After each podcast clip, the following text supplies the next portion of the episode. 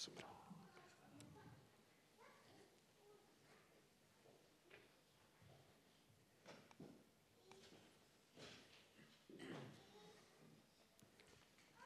Så bra. Skal vi reise oss opp?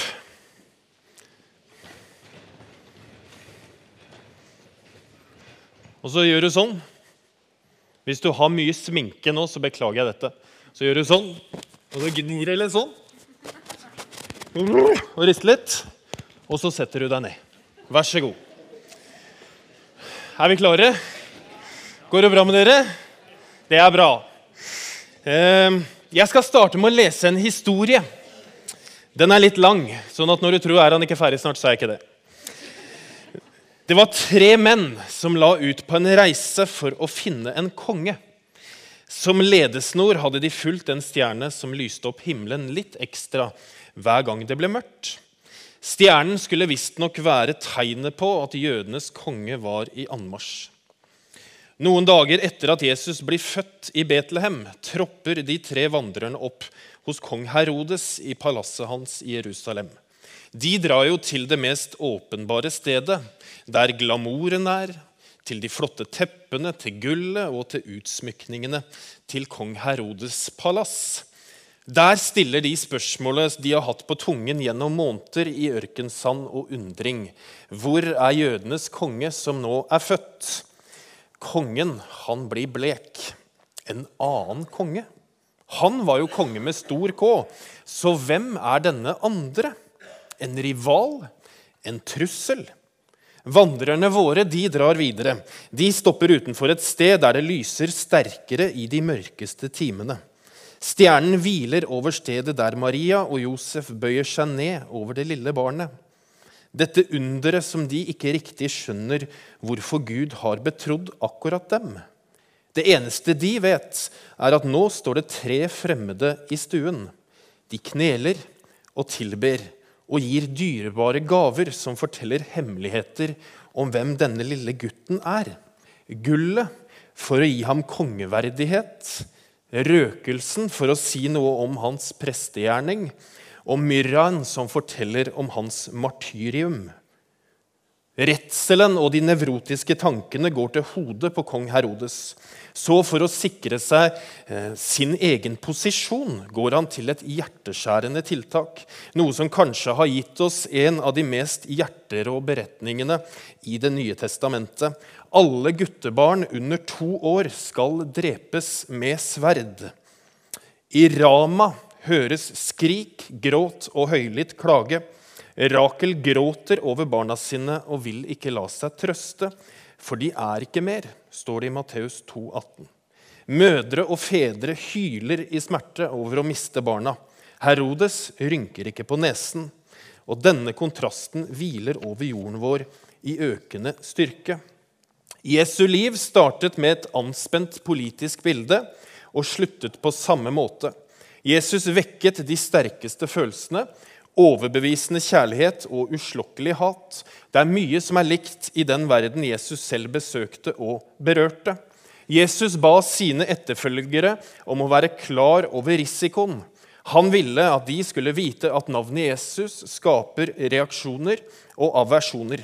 De samme reaksjonene han vekket, vil for alltid være klistret til hans etterfølgere og medsammensvorne. Og Det er nettopp derfor vi i dag stopper opp utenfor fengselsportene. Foran fangeleirene, foran de bombede kirkene, foran de ødelagte familiene, foran de sørgende og redde. Men også foran de som i dag har fått et nytt lys i øynene, fordi de har fått et bilde av Jesus, hans lys og hans liv. De tre vise vandrerne fikk bryskt beskjed av Herodes om å komme tilbake til ham da de hadde funnet det de lette etter. Stjernen hadde ledet dem til noe annet enn det de hadde sett for seg, men de var likevel ikke i tvil om at de hadde kommet rett.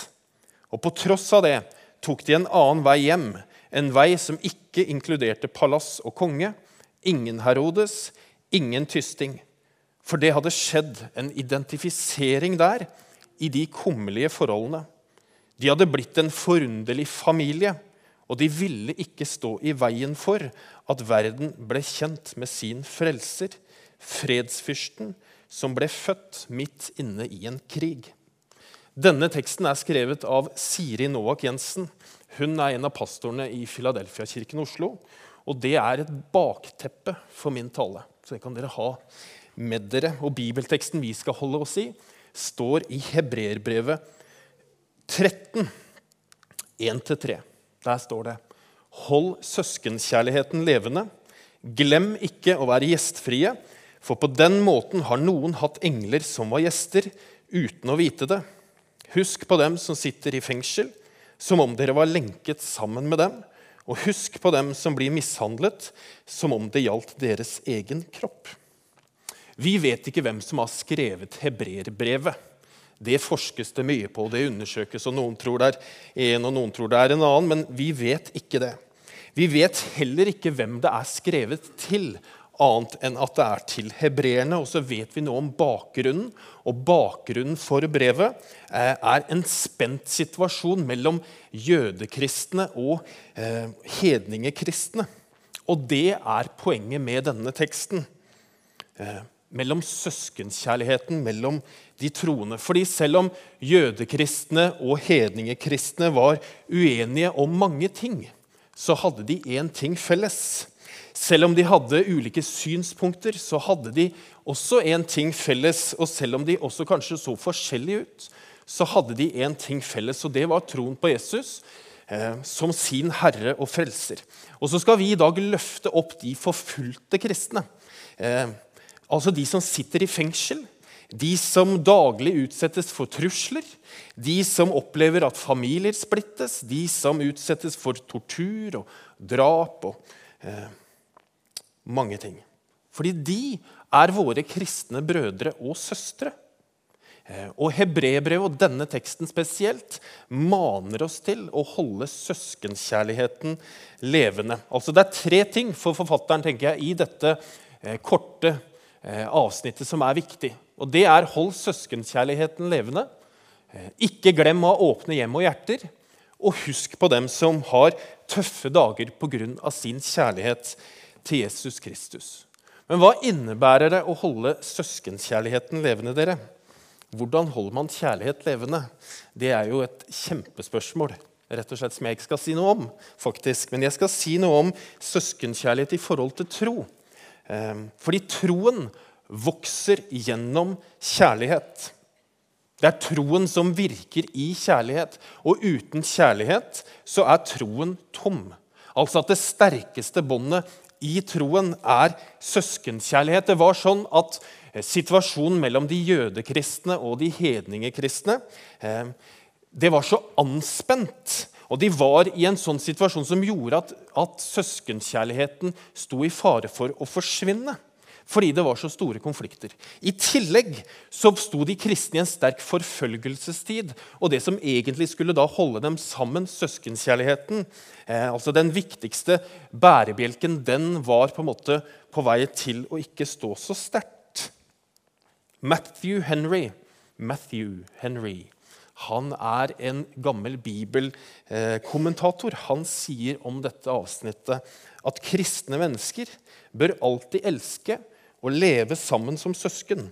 Og Jo mer de vokser i overgivelse til deres himmelske Far, jo mer vil deres kjærlighet til hverandre vokse for hans skyld. Altså med andre ord, Søskenkjærligheten den kommer ikke av seg selv. Den er helt naturlig og viktig for den kristne tro, og den forsvinner raskt dersom vi ikke er bevisste. I 2. Peter 1 så skriver Peter også noe om dette. For Han skriver derfor skal dere satse alt på å omsette troen til praktisk handling. Lær Gud å kjenne. Da vil dere utvikle selvbeherskelse og utholdenhet og kan være lydige mot ham. Dere må også ta hånd om hverandre i kjærlighet, slik som søsken bør gjøre. Jo mer dere er lydige mot Gud og elsker hverandre, desto mer kan dere tjene vår Herre Jesus Kristus. Da, dere ikke, nei, da har dere ikke blitt kjent med ham forgjeves. Den som ikke bryr seg verken om Gud eller sine troende søsken, forstår ikke særlig mye. Han har allerede glemt at Gud har tilgitt syndene hans og gitt ham et nytt liv. Altså, Det handler altså om å lære Gud å kjenne. Det handler om å omsette tro til praktisk handling. Og det handler om eh, å utvikle en selvbeherskelse, en utholdenhet, og det å være lydig mot Gud. Og det å bry seg om sine troende søsken. På et sånt kristent akademisk språk så heter dette helliggjørelse. Altså det å bli mer lik Jesus, det å bli mer hellig, om du vil. Vi sier jo ikke det så ofte, fordi det høres jo veldig rart ut. Men, men det handler om at vi skal utvikle en sånn Kristuslikhet og bli mer lik han. Og I bunnen for dette så ligger da det som man på fint kaller for rettferdiggjørelse. At vi er rettferdiggjort ved tro alene. Men helliggjørelsen den handler mer om hvordan vi lever livene våre. At vi hele tiden er underveis i en prosess for å bli mer lik Jesus. Det betyr at vi rettferdiggjøres ved tro. Da er vi rettferdig med Gud, og så helliggjøres vi ved tro. Og En av disse elementene handler om søskenkjærlighet. Og så er det jo også sånn at Søskenkjærlighet, om du vil eller ei, det handler om alle kristne hele Guds menighet liksom, i det store perspektivet. Det er ikke bare SMK liksom, eller bare Misjonskirken Norge. Nei, det handler eh, Og ikke bare om de du er enig med eller liker. Og ikke bare de vi går på møter med eller tenker yes, de er kristne, det er jeg glad for. Men det gjelder alle kristne. Det betyr jo ikke det, og det er jo også viktig i den sammenheng, det betyr jo ikke det at vi ikke skal si ifra hvis vi er uenige. Det betyr jo ikke at vi ikke skal stå opp for det som er urett, og som vi opplever er feil. Alle som har opplevd en søskenkjærlighet i en familie eller en relasjon i familie, vet jo det. At noe av det som er viktig i en familie, det er jo det å utfordre hverandre. Sette spørsmålstegn ved det den andre gjør. Holde hverandre ansvarlig og utfordre hverandre, og ikke minst si ifra når noe ikke er greit. Og Sånn er det også i forhold til våre kristne brødre og søstre. Og selv om jeg ikke liker alt som eh, alle kristne gjør, og nå jobber jeg jo litt for å, ikke, for å holde tungen i, i tøylet, som det sier, for ikke å komme eksempler, så er det jo likevel våre kristne brødre og søstre. Og da kjærligheten mellom våre søsken, det er noe fundamentalt i den kristne tro. Så er det, jo også, det, er jo også en selvmotsigelse, det å tro at man kan være kristen alene. litt sånn selvstendig næringslivende kristen. Altså det uten å stå i en større sammenheng. Fordi Når du tar imot Jesus som din frelser, så, du på, så får du liksom familien med på kjøpet. Litt som når du blir gift. Og Da kan det jo være mange forskjellige meninger. Det kan være mye du ikke liker. Eh, men så er poenget at Jesus har satt menigheten som på en måte forvalter av sitt oppdrag her på jorden. Det å føre mennesker til Jesus, det å disippelgjøre dem og det å døpe dem. Og så har han gjort det i 2000 år, og vi er en del av det alle sammen. Og Bibelen bruker jo menigheten eh, som et altså, bilde på en kropp som et bilde på menigheten, hvor Jesus er hodet, og vi alle er en del av eh, den kroppen med ulike lemmer og ulike funksjoner. Eh, og Det er et superviktig bilde. Og Det gjelder jo ikke bare SMK-menigheten, men det gjelder jo alle. Derfor hold søskenkjærligheten levende, for det holder oss sammen, rett og slett. Det er masse mer jeg kunne sagt om dette, kjenner jeg. Eh, men jeg tror det er greit, så får vi heller ta det i smågruppene våre og diskutere dette. Eh, ja. Husk på dem som har tøffe dager pga. sin kjærlighet til Jesus Kristus. Det er jo egentlig hovedpoenget i denne talen, fordi vi løfter opp de forfulgte kristne. Det gjør de i kirker over, over hele Norge og Skandinavia i dag. Og Det er en som heter Helje Kringlebotn Sødal. Hun er professor ved Universitetet i Agder. Eh, og Hun skriver 30.9. en kronikk i Fedrelandsvennen hvor hun skriver følgende. Omtrent 75% av verdens befolkning 75, bor i land der myndighetene enten står for eller tillater ulovlige brudd på religionsfriheten.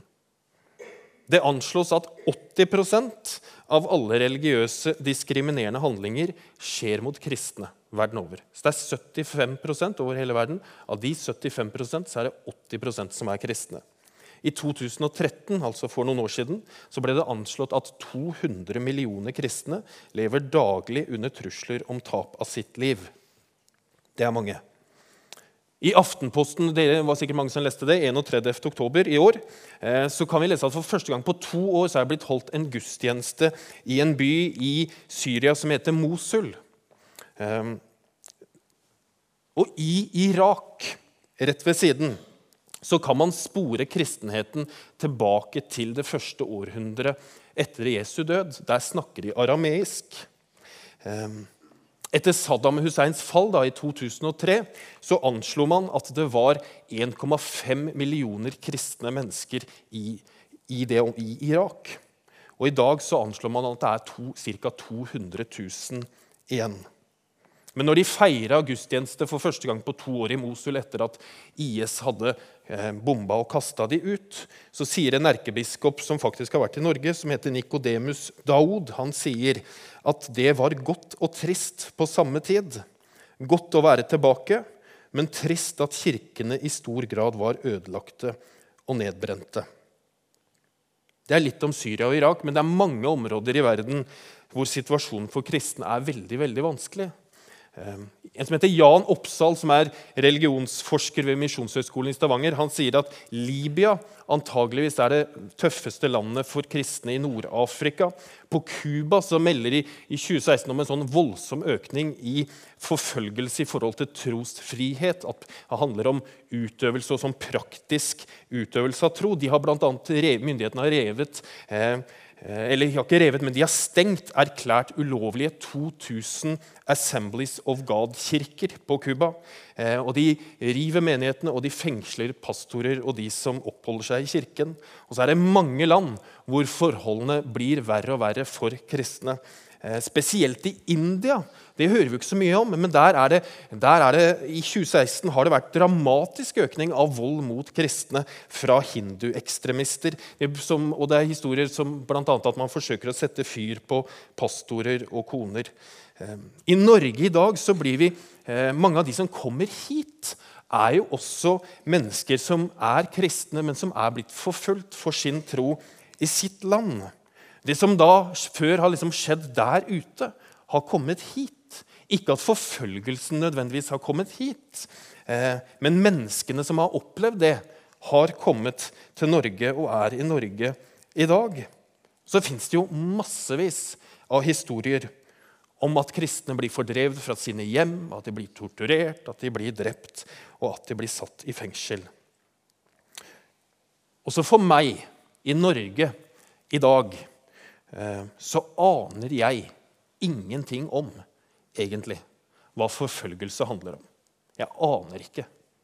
Jeg kan late som at jeg forstår det, eh, men jeg gjør jo ikke det.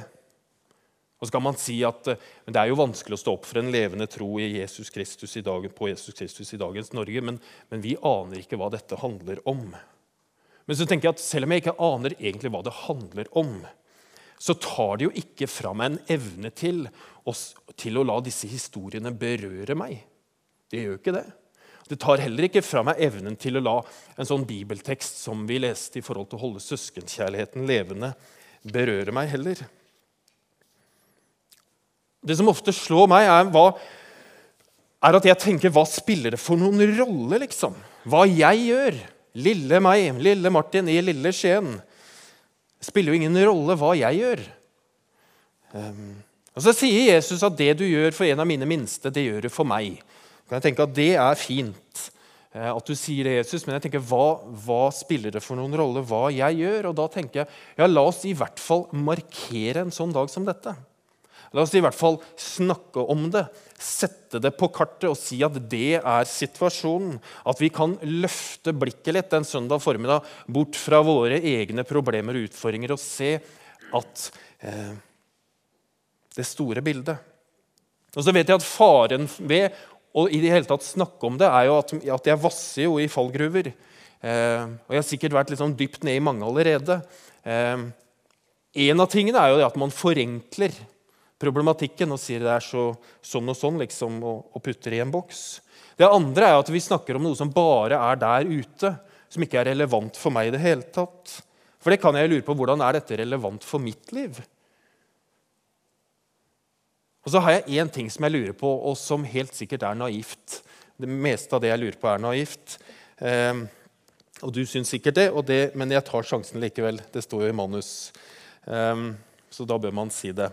Eh, men du vet jo det, at historien er full av eh, historier om enkeltmennesker som har betydd en enorm forskjell for mennesker og for byer og for land. og i forhold til store hendelser. Og Vi kan liksom få bilde av de, liksom de, de, de, klassiske. Det er Martin Luther King, det er mor Therese, det er Nelson Mandela. Eh, og mange flere. og Hun i midten hun heter Annie Skau.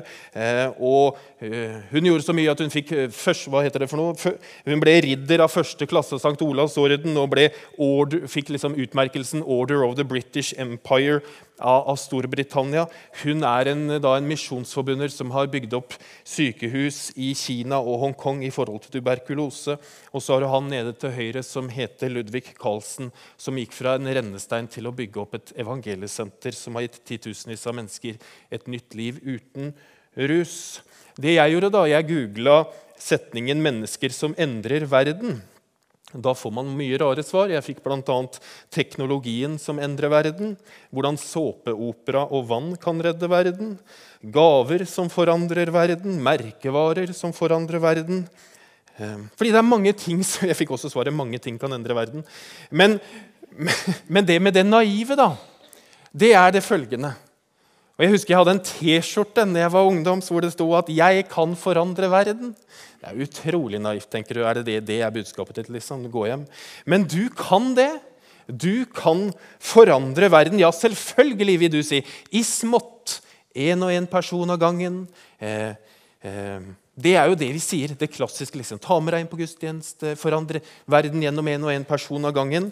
Eh, for vi må ikke tenke for stort. Fordi, eh, og det er jo for mange er jo det også riktig. Vi skal forandre med, gjennom én person av gangen. naboen og sånt, så tenker jeg det, Da tar det jo ganske lang tid da, liksom med fødselsrate og dødsrate og sånt. men, men så tror ikke jeg at alle er ment til å forandre liksom store verden eh, i stort format. Jeg tror mange av oss har nok av å forandre verden gjennom én og én person av gangen. Og det er ingenting galt med det.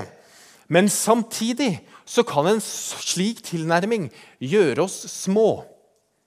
Ikke bare oss, men kanskje vi gjør Gud liten også. Når vi bare tenker at vi skal forandre verden gjennom én og én person av gangen. For er det sånn at Gud istandsetter noen til å gjøre noe stort, noe skikkelig svært Ikke bare én og én eller ti og ti, men hundrevis, tusenvis, titusenvis kanskje. Av og til sier jeg at du vet ikke hva som ligger i enden av fiskesnøret når du kaster ut. Og når du begynner å snurre opp og gå i tro, som man sier, så vet du jo ikke hva som ligger i enden av det snøret. Du vet jo ikke hva som ligger i enden av historien om hva Gud vil gjøre gjennom ditt liv. Og det kan jo hende det at Gud kaller akkurat deg til en stor mengdeendring. For det er jo noen her under 20 år, er det ikke det? Ned med en hånd. Det er også noen under 30 og under 40 så er jeg inkludert selv. og kan vi ta 50, 60, 70, 80, 90, så er liksom alle inkludert. Men det kan jo hende at det sitter noen her liksom på terskelen av et voksenliv eller et ungdomsliv eller et eh, alderdomsliv som Gud har så store planer for at vi ikke kan fatte det selv. Du kan si mye om Arild Edvardsen, men han sa mye klokt også. Han sa at du må ha en visjon så stor at bare Gud kan virke gjennom den. Og jeg tenker ikke tenk smått om det Gud gjør eller kan og vil gjøre gjennom deg. Ikke tenk smått om det. Ikke bare tenk liksom én og én og er fornøyd med det. Du kan være fornøyd med det, og det er ingenting galt med det. Men kanskje Gud har gitt akkurat deg en visjon som er så stor, som du kanskje ikke har sett enda. Du kanskje bare har sett antydningene til det for hva han vil gjøre gjennom deg. Overskriften for denne serien er jo 'Løft blikket, se på markene, de står hvite mot høst'. Jeg kunne ha slutta nå, eh, men jeg ser jeg har bedre tid. Så da skal jeg si noe om gjestfrihet. Det hører jo hjemme å komme hjem. Jo, ja, det er viktig å komme gjennom alle punktene. Eh, ikke glem å åpne hjem og hjerter. For noen år siden så åpnet vi hjemmet vårt for en ung mann. Han skulle bli boende hos oss i tre uker, og han ble boende i tre måneder. På TV-rommet vårt. Um, og det var jo en forferdelig krevende tid, rett og slett. Men samtidig en flott tid også. Uh, men når man tenker liksom utgangspunktet tre uker og det blir tre måneder, så er jo det lenge. Men det er jo sånn i Norge. Sikkert mange andre steder òg, men kanskje spesielt her. Vi, for det er kaldt her, spesielt nå, og vi er mye inne. Så er det sånn at når vi åpner våre hjem, så er det ikke bare hjemmet vårt vi åpner, men vi åpner hjertet vårt. Vi åpner helt inn. Jeg tror ikke Sputnik har blitt sitert veldig mange ganger i Skien misjonskirke opp gjennom årene. Men han sier jo det i den flotte sangen 'Lukk opp din hjertedør' og slipp solen inn. Lyset i ditt sinn og varmen i ditt kjenn. Noe av det. Vi trenger ikke synge den. også. Det trenger vi ikke. Men jeg tenker kanskje noen av oss skulle åpne vårt hjem og lukke opp denne hjertedøren inn til noen som trenger varme. Som trenger sol og lys og varme inn i livet sitt. Kanskje du skal åpne ditt hjem. Kanskje du skal gi rom til noen som trenger det. Kanskje du skal stille hjemmet ditt til disposisjon. Invitere noen fremmede hjem. Det vil være krevende. Det vil koste penger òg, å gjøre det. Og I tillegg så vil du helt sikkert angre på at du har gjort det også, til tider. Men det kan jo bety en enorm forskjell for den du slipper inn. Og Av og til så tror jeg at jeg er for mye opptatt av mitt eget velbefinnende og komfort, om hva som er bra for meg, eh, i stedet kanskje for det som er best for andre.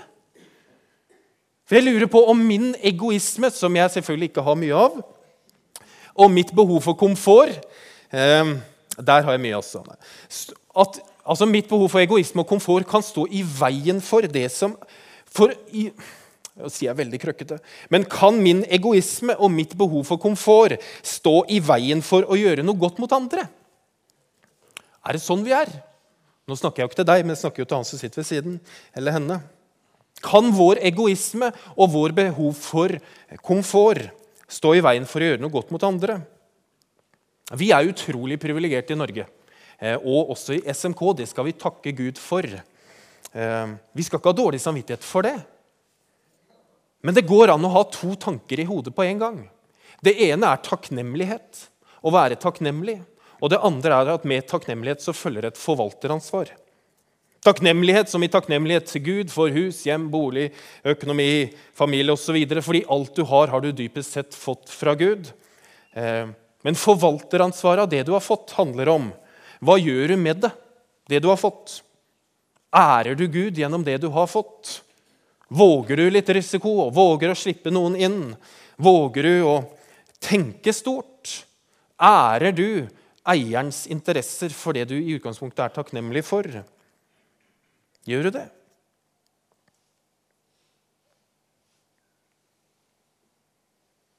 Jeg har bare lyst til å be en bønn. Herre, Far i himmelen, jeg ber om at du skal strekke oss og meg. At vi kan få en sånn søskenkjærlighet som lever. At vi kan ha romslige hjem. Og at vi har et hjerte som alltid har plass til flere.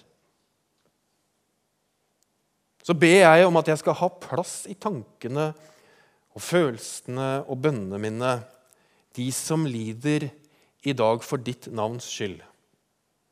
Det ber jeg om å ha plass til. Jeg ber om å bli berørt av det også og tillate det. Og så ber jeg om å ha et blikk, sånn at jeg kan se rundt meg. Og så ber jeg, Herre, om at vi ikke skal la oss stoppe av små tanker om oss selv, eventuelt om deg og det du vil gjøre gjennom oss. Jeg ber, Herre, om at vi skal være modige og stole på at du er en stor Gud som også vil gjøre store ting gjennom våre liv. Takk for at vi kan tilhøre deg og tro på deg og vite at du passer på oss hver eneste dag. Der vi er, og der vi bor. Så ber vi om at du skal åpne våre øyne, sånn at vi kan se det du ser. I Jesu navn. Amen. Nå skal vi, nå skal vi straks reise oss igjen, og så skal vi synge noen sanger.